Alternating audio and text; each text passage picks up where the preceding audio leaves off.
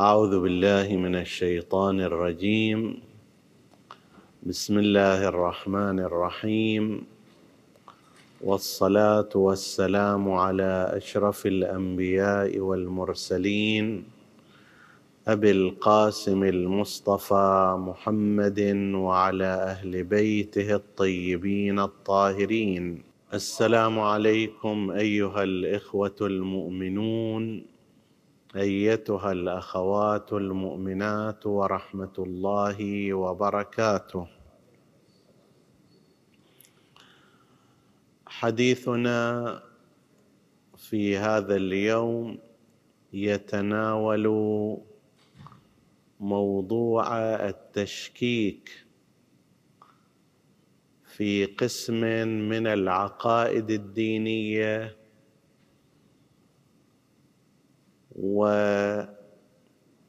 ويلفت النظر إلى ما ينبغي فعله مع موجات التشكيك التي تثار بين الآونة والأخرى. أصل طروء السؤال عند الإنسان فيما يقوم به من أعمال. هذا أمر طبيعي. يعني لا تكون حالة اليقين النفسي والإطمئنان القلبي دائمة ومستمرة وإنما في بعض الأحيان قد يطرأ على الإنسان تساؤل كيف يكون هذا؟ ما الدليل على ذاك؟ من يقول أن الأمر هكذا؟ ثم لا تلبث أن تتراجع أو حتى تبقى. هذا أمر طبيعي يحصل للإنسان بل قيل إن القلب إنما سمي قلبا لتقلبه لكن بالنتيجة يبقى الإنسان على حالة من الاستقرار. الحالة غير الطبيعية هي عندما يكون أمر التشكيك حالة إدمانية حسب التعبير. يعني يبقى الإنسان في دائرة الشك لا لكي يخرج منها وإنما لكي يوسع هذه الدائرة. قد يبدأ مثلا بالتشكيك في شيء ثم يتصاعد. أذكر أن أحد الأشخاص ولا أريد الاسم قبل أكثر من ثلاثين سنة كان يشكك في موضوع السفراء أن هؤلاء السفراء الأربعة شنو منو كيف لعلهم أشخاص كذا وكذا. أحد العارفين في ذلك الوقت قال أتوقع أن هذا الشخص ما راح يبقى عند هذه الدائرة وسيصل ذات يوم إلى التشكيك في الله عز وجل. فقلت له الأمر ليس هكذا. يعني من السفراء الأربعة يصعد إلى الباري عز وجل غير طبيعي هذا. قال سترى. وفعلا بدأ في التشكيك في موضوع السفراء الأربعة. فانتهى إلى أن هؤلاء مثلا أشخاص غير مؤتمنين وغير صادقين وإلى آخره. بعد ذلك صعد إلى موضوع الإمام المهدي. أنه الإمام المهدي اذا بناء على ذلك ليس موجودا وليس مولودا. بقي فيه فترة من الزمان ثم صعد ما فوق ذلك أنه من يقول أصلا المهدي كعقيدة؟ صحيح. طيب الأئمة اخبروا كذا كذا. اجى فوق في مرحلة إلى أنه من يقول أن هؤلاء هم أئمة؟ وكيف نص عليهم؟ و و إلى أن وصل إلى أن المعصومين إلى من بعد الحسين لا يوجد نص عليهم وبالتالي ليسوا أئمة. صعد إلى فوق أيضا أنه الإمام الحسن والحسين مدحوا كثير في حديث رسول الله. بس ما في شيء جازم وقاطع بأنهما أئمة بالمعنى الذي نريده. في تلك الفترة التقيت ذات مرة مع ذلك الشخص فقال أرأيت باقي شوية مرحلة يوصل إلى الإمام علي بعد الإمام علي النبي بعد النبي إلى الله عز وجل. أحيانا المشكلة هي أن الإنسان عندما يبدأ في التشكيك ويدمنه ويغرى به كل ما مشى فيه مثل ما في الهداية الذين جاهدوا فينا لنهدينهم سبلنا الذي يمشي في الطريق الخاطئ في طريق الشك. في طريق التشكيك يزداد ظلمة ويزداد اشكالا ويزداد اعضالا. مثاله الواضح هكذا. أنت تروح على سيف البحر حسب التعبير. ما تغرق من أول خطوة. أول خطوة أنت في البر على الساحل. لما تمشي قدام شوية تغوص مثلا مقدار شبر من رجلك. تمشي قدام. هذا الطريق غلط. تمشي قدام تغوص إلى ركبتك. تمشي قدام تغوص مثلا إلى نصف بدنك. تمشي قدام تغرق وتموت.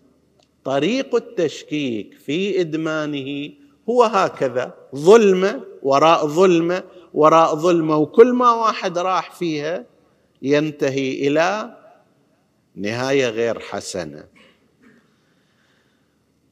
لذلك ينبغي أن يتأمل الإنسان في أحوال مدمني التشكيك المعتادين على التشكيك. موجود في بلادنا الإسلامية في ضمن الجو غير الشيعي وفي ضمن الجو الشيعي أيضا موجود بشكل غير قليل.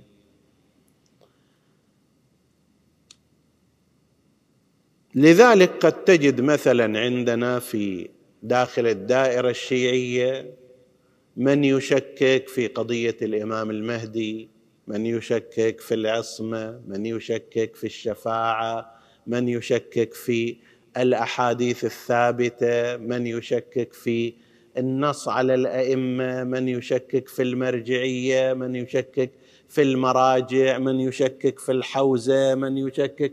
يعني لو أردت أن تحصي عناوين التشكيك في داخل الطائفة من قبل أفراد لأعجزك الأمر.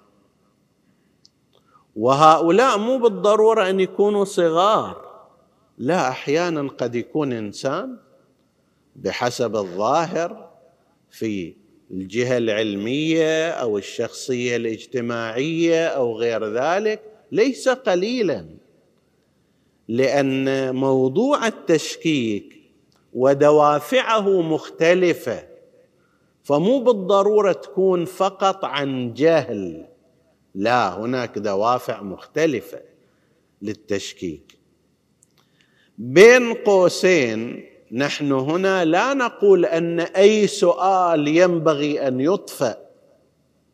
أي اعتراض ينبغي أن لا يجاب. لا نقول أن الأسئلة الشكوك الاعتراضات ينبغي أن يجاب عليها إجابة علمية. لكن حديثنا هنا في ما نسميه إدمان التشكيك. الشك ما في مشكلة التشكيك الدائم فيه مشكلة. إثارة السؤال أحيانا لا مانع منه. حالة التشكيك النفسي والدوران ضمن دائره هذه الحالة هو المشكل. تشكيك له دوافع كثيرة أو إدمان التشكيك خلينا نسميه. له دوافع كثيرة وبواعث كثيرة. من تلك البواعث أن دوام التشكيك هو من آثار الصراع الغربي الإسلامي أو اللاديني الديني. بالتالي هناك مواجهة بين فكرتين بين عقيدتين بين ثقافتين وكل فكرة تحاول أن تثبت نفسها وتثبت خطأ الفكرة الأولى. لا ريب أن الصراع الغربي الإسلامي قائم مو من الآن من قرون. نمطين من الحياة منهجين فهمين حضارتين ثقافتين أسلوبين. زين ذاك عنده ثقافه وهذا عنده ثقافه وهي متصادمة في العقائد. في معرفة الله مختلفة في الإيمان بالنبوة مختلفة في قضية المعاد مختلفة في إدارة الحياة مختلفة في النظر إلى الأخلاق مختلفة في بناء الشخصية مختلفة. فتوجه تلك الحضارة تلك الثقافة الغربية باستمرار أسئلة وإشكالات وتشكيكات إلى هذه الثقافة والحضارة. كانت بشكل واضح في السابق تعرف الخط مباشرة. لذلك مثلا أكثر تشكيكات المستشرقين ما بين سنة 1900 فصاعدا واللي تسربت إلى الدارسين في الغرب دكاترة ومتخصصين ومفكرين. هؤلاء درسوا على أولئك أخذوا منهم هذه الأسئلة.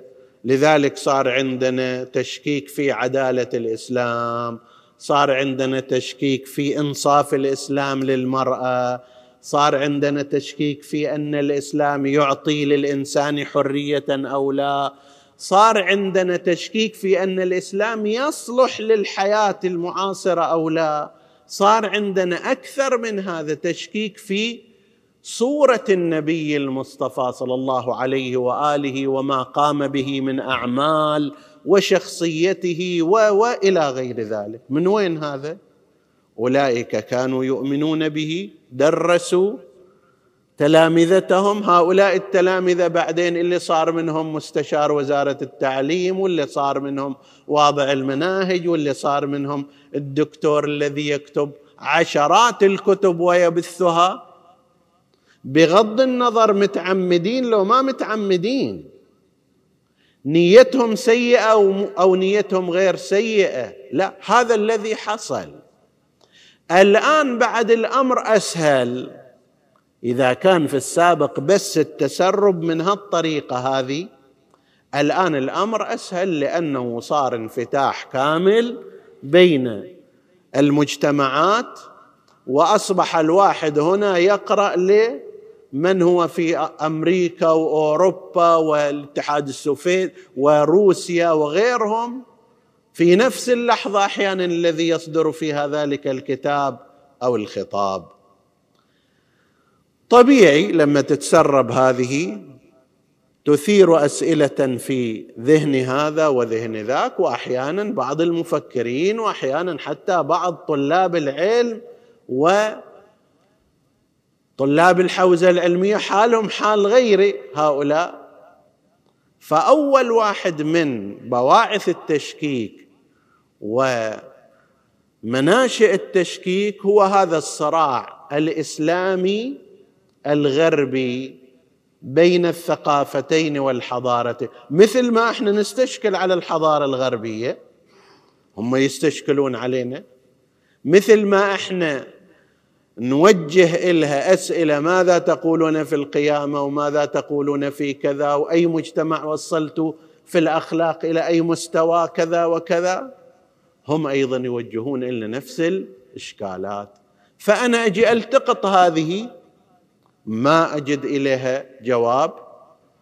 تتفاعل معي. لا أرجع إلى من يعرف جوابها. تتحول إلى حالة تشكيك. هذا واحد من الأسباب. من الأسباب فيما نعتقد دوافع نفسية في إدمان التشكيك. يعني ماذا؟ يعني أن قسما من الناس ولنفترض مثلي أنا أريد تظهر شخصيتي بشكل كبير واضح ومعروف. إذا أروح إلى محل السباق الأصلي قد ما يكون عندي أنا قدرة على مسابقة غيري. فشنو أسوي؟ أروح إلى غيري محل السباق الأصلي. فأجي أقول أنا اكتشفت ما لم يكتشفه ما لم يكتشفه العلماء السابقين ولم يلتفت إليه العلماء السابقون ولم يلتفت إليه المحققون مئات الناس مروا على هذا لكن أنا الوحيد اللي اكتشفت أنه ما عندنا نص في فلان شيء أن فلان سؤال لم يجب عليه أن مثلا السفراء الأربعة كذابين أن السفراء الأربعة كذابون وأن الامام المهدي كذا وكذا وأن الامامه كذا وكذا وأن الشفاعة كذا. ما حد اكتشف غيري. طيب. في كثير من الأحيان نفس هذا الأمر يدل على جهل ذاك لأن تتبعه يكون قليل. يعني لو شوية تريث بعض هؤلاء الناس وراح فتش على الأسئلة اللي أثيرت حول هذه القضية سوف يجد مثلا ربما عشرات الأشخاص أثاروا هذا السؤال قبله وعشرات الأشخاص أيضا ردوا على هذا السؤال.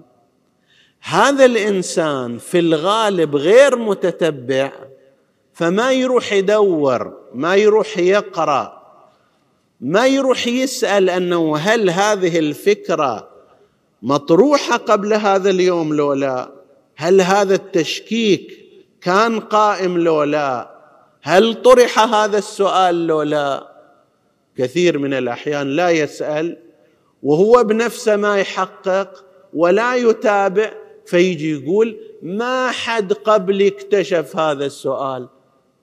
لا أكو هناك عشرات قبلك. أكو هناك إجابات كثيرة على هذا السؤال. لست الجديده في الاكتشاف لكن إذا ما قال هذا الحكي يرجع إلى شنو؟ محل السباق الأصلي اللي ما يقدر يسابق فيه.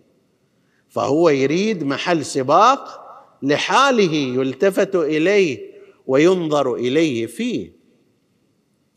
إما أن يكون ما متبع وما شايف وما قاري مثل هالأسئلة وما ملتفت إلى الإجابات عليها. وإما بعضهم لا هم شايف ويدري أن هذا السؤال مو سؤاله وإنما سؤال فلان قبله.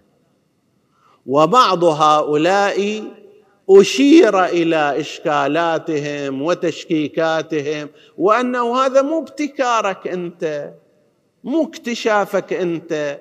هذا أنت مسوي قص لصق من مكان آخر بس حذفت اسم صاحب الإشكال والسؤال.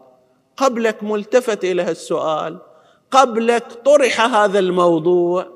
وقبلك أيضا تمت الإجابة عليه. فهي اذا دوافع نفسية ومشاكل نفسية أن الإنسان في بعض الأحيان يريد أن يبين أنه أنا متفرد بين الناس. أنا قدرت أوجه إشكال إلى الطائفة ما حد وجهها قبلي. وهذا يذكرني أحيانا ببعض ما يعني يوجهه أتباع المذاهب مثل مخالف مثل مخالفي الطائفة أنه هذا سؤال لا يستطيع علماء الشيعة الإجابة عليه. ويتصور أنه هذا مثلا هو مكتشفه الآن لأول مرة في التاريخ بينما هو موجود في كتب مثلا شريف المرتضى رضوان الله تعالى عليه. يعني قبل ألف سنة من الزمان أكثر من ألف سنة من الزمان. بعض منهم في داخل دائرتنا الشيعية أيضا لدوافع نفسية وهذا موجود. يعني أنا وأمثالي من الناس صحيح عالم ولكن قد أنا هذبت نفسي وجعلت دوافعي إلهية تامة ما أريد أدور على سمعة ولو على حساب مذهبي وعلى حساب كلام أئمتي. شقد أريد أدور على حضور اجتماعي بين الناس؟ يشار الي تخفق النعال كما يقولون ورائي. ففي قسم من هذه الدوافع دوافع نفسية أن من يدمن الإشكالات يرى أن السباق في الشارع الأصلي غير متيسر اليه أو يحتاج إلى فترة طويلة. قدامه حسب التعبير علماء كبار اللي أنفق سبعين سنة وستين سنة وأكثر وأقل في البحث والتحقيق. وما ما, ما نخلق يصبر ستين سنة وسبعين سنة ويناطح بنفس الطريقة. فإذا أقول أنه أكو إشكال ما حد اكتشفه وسؤال ما حد يقدر يجيب عليه وأمشي في الطريق المقابل. هذا أمر آخر. أن تشكيك بالنسبة إلى بعض الناس إدمانه هو سلم للارتفاع على الأقران بل على من هو أعلم من هذا الإنسان. فهذه أسهل طريقة خالف تعرف. إذا تمشي ويا الناس ما حد يلتفت إليك. امشي عكسهم تصدم في هذا وترتطم ذاك وتعرقل إلى هذا الكل راح يلتفت إليك. هذا أمر ثاني. أمر ثالث إغراء فكرة التجديد. قسم من الناس يتصور أن إذا تجيب شيء جديد هذا مهم. لا ليس كذلك. ليس كل جديد نافعا وليس كل جديد وليس كل قديم هو ضار. بعض الجديد حسن مفيد وبعض الجديد ضار ومؤذن. قسم من الناس يتملكهم هوس التجديد. أنا كل شيء لازم اسويه جديد. إذا جديد نافع لو مو نافع. ليس كل جديد نافعا. ليس كل جديد صحيحا. ليس كل جديد فيه فائدة. بعض الجديد كذلك وبعض الجديد هو ضار. كما أن بعض القديم ينبغي التخلص منه وبعض القديم لا بد من الاحتفاظ به. فليصير عند الإنسان فكرة أنه ما شاء الله زيد جاب فكرة جديدة. هذه مو سيارة اللي أنت تقول ما دام جديدة اذا حسنة. لا بعض السيارات أحيانا سيارة صينية جديدة لا تساوي سيارة ألمانية مثلا قديمة. طيب كذلك هي في الأفكار. بعض الأفكار الجديدة لا تسوى قيمة الحبر الذي تكتب به وبعض الأفكار القديمة ينبغي أن تكتب بالنور على جبين الحور كما يقولون. بس قسم من الناس يعتري فكرة أن هذا عنده تجديد عنده أفكار جديدة مو الأفكار القديمة. هذا الهوس بأن كل شيء جديد زين وهي فكرة غير غير صحيحة زين. قلنا وأكرر بعض الجديد حسن وبعض الجديد غير حسن. لكن تتملك هذه الفكرة قسما من الناس. أنا المهم أجيب فكرة جديدة. حتى لو كانت غلط لو كانت مو صحيحة لو كانت مو مبرهنة. هذا أمر ثالث. ماذا نصنع؟ وأنهي به الحديث إن شاء الله. أطلنا في هذا القسم الأول. ماذا نصنع أمام موجات التشكيك وإدمان التشكيك؟ إحنا كناس مؤمنين نتعرض إلى هذا. واتساب حتى إذا أنا ما أروح وراه هو يجيني. خطاب يلقى كتاب يوصلني حديث إلى آخره. وقد يكون فيه هذه الموجات من التشكيك. بين قوسين ينبغي أن أشير هنا إلى نقطة ترى الإنسان مسؤول عندما ينقل شيئا باطلا إلى غيره. وما يفيده يقول ناقل الكفر ليس بنا ليس بكافر. ليس بكافر ولكنه مسؤول شرعا. جاتني جاني فيديو أو ما أدري تسجيل فيه أفكار خاطئة. عندي أنا مجموعة مئة واحد رسلت إليهم. ناقل الكفر ليس بكافر أو كما وصلني. لو ان هالمئة واحد عشر منهم تأثروا سلبا بذلك فقل إيمانهم أو لا سمح الله اختلت عقيدتهم. أنا يوم القيامة يوقفوني ويسألوني أنت كنت سببا ربما مباشرا في ضلال ذلك. أنت ما تكلمت أصلا ولا سليت لسانك بكلمة. لكنك أوصلت إليه الضلال أوصلت إليه التشكيك. ذاك قد ما يكون أيضا في مستواك أقل من مستواك. أنت ما تأثرت هو تأثر فأنت لا تكون كافرا ولكن أنت تكون قد أضللت غيرك وعليك أن تجهز جواب يوم القيامة. في نفس الوقت أي واحد يوصل إلى الشيء من التشكيك ما لم يكن مبرهنا لا ينبغي أن ينظر فيه. أكو طريقة عند مدمني التشكيك شو يسوون؟ يقول لك الآن أنا ما أجيب لك الأدلة أخذها مني على سبيل الفتوى. بعدين أقول لك الأدلة والبراهين وهل بعدين ما يجي ابدا؟ فالسؤال والتشكيك يثبت في ذهنك وتنتظر البحث ماله. لما يجي واحد يقول أنه مثلا السفراء الأربعة كذا وكذا خذها مني على سبيل الفتوى خذها مني كفكرة. ما الدليل على هذا الكلام؟ ماذا قال المحققون وما هو ردك على ما قالوه؟ يقول فيما بعد سنبحث الموضوع. الجلسة اللي بعدها هو يطرح إشكال آخر وتشكيك آخر. الجلسة الثالثة يطرح إشكال ثالث وعلى المعدل وين البحث مالك؟ وين البرهان على الفكرة الأولى وعلى الفكرة الثانية؟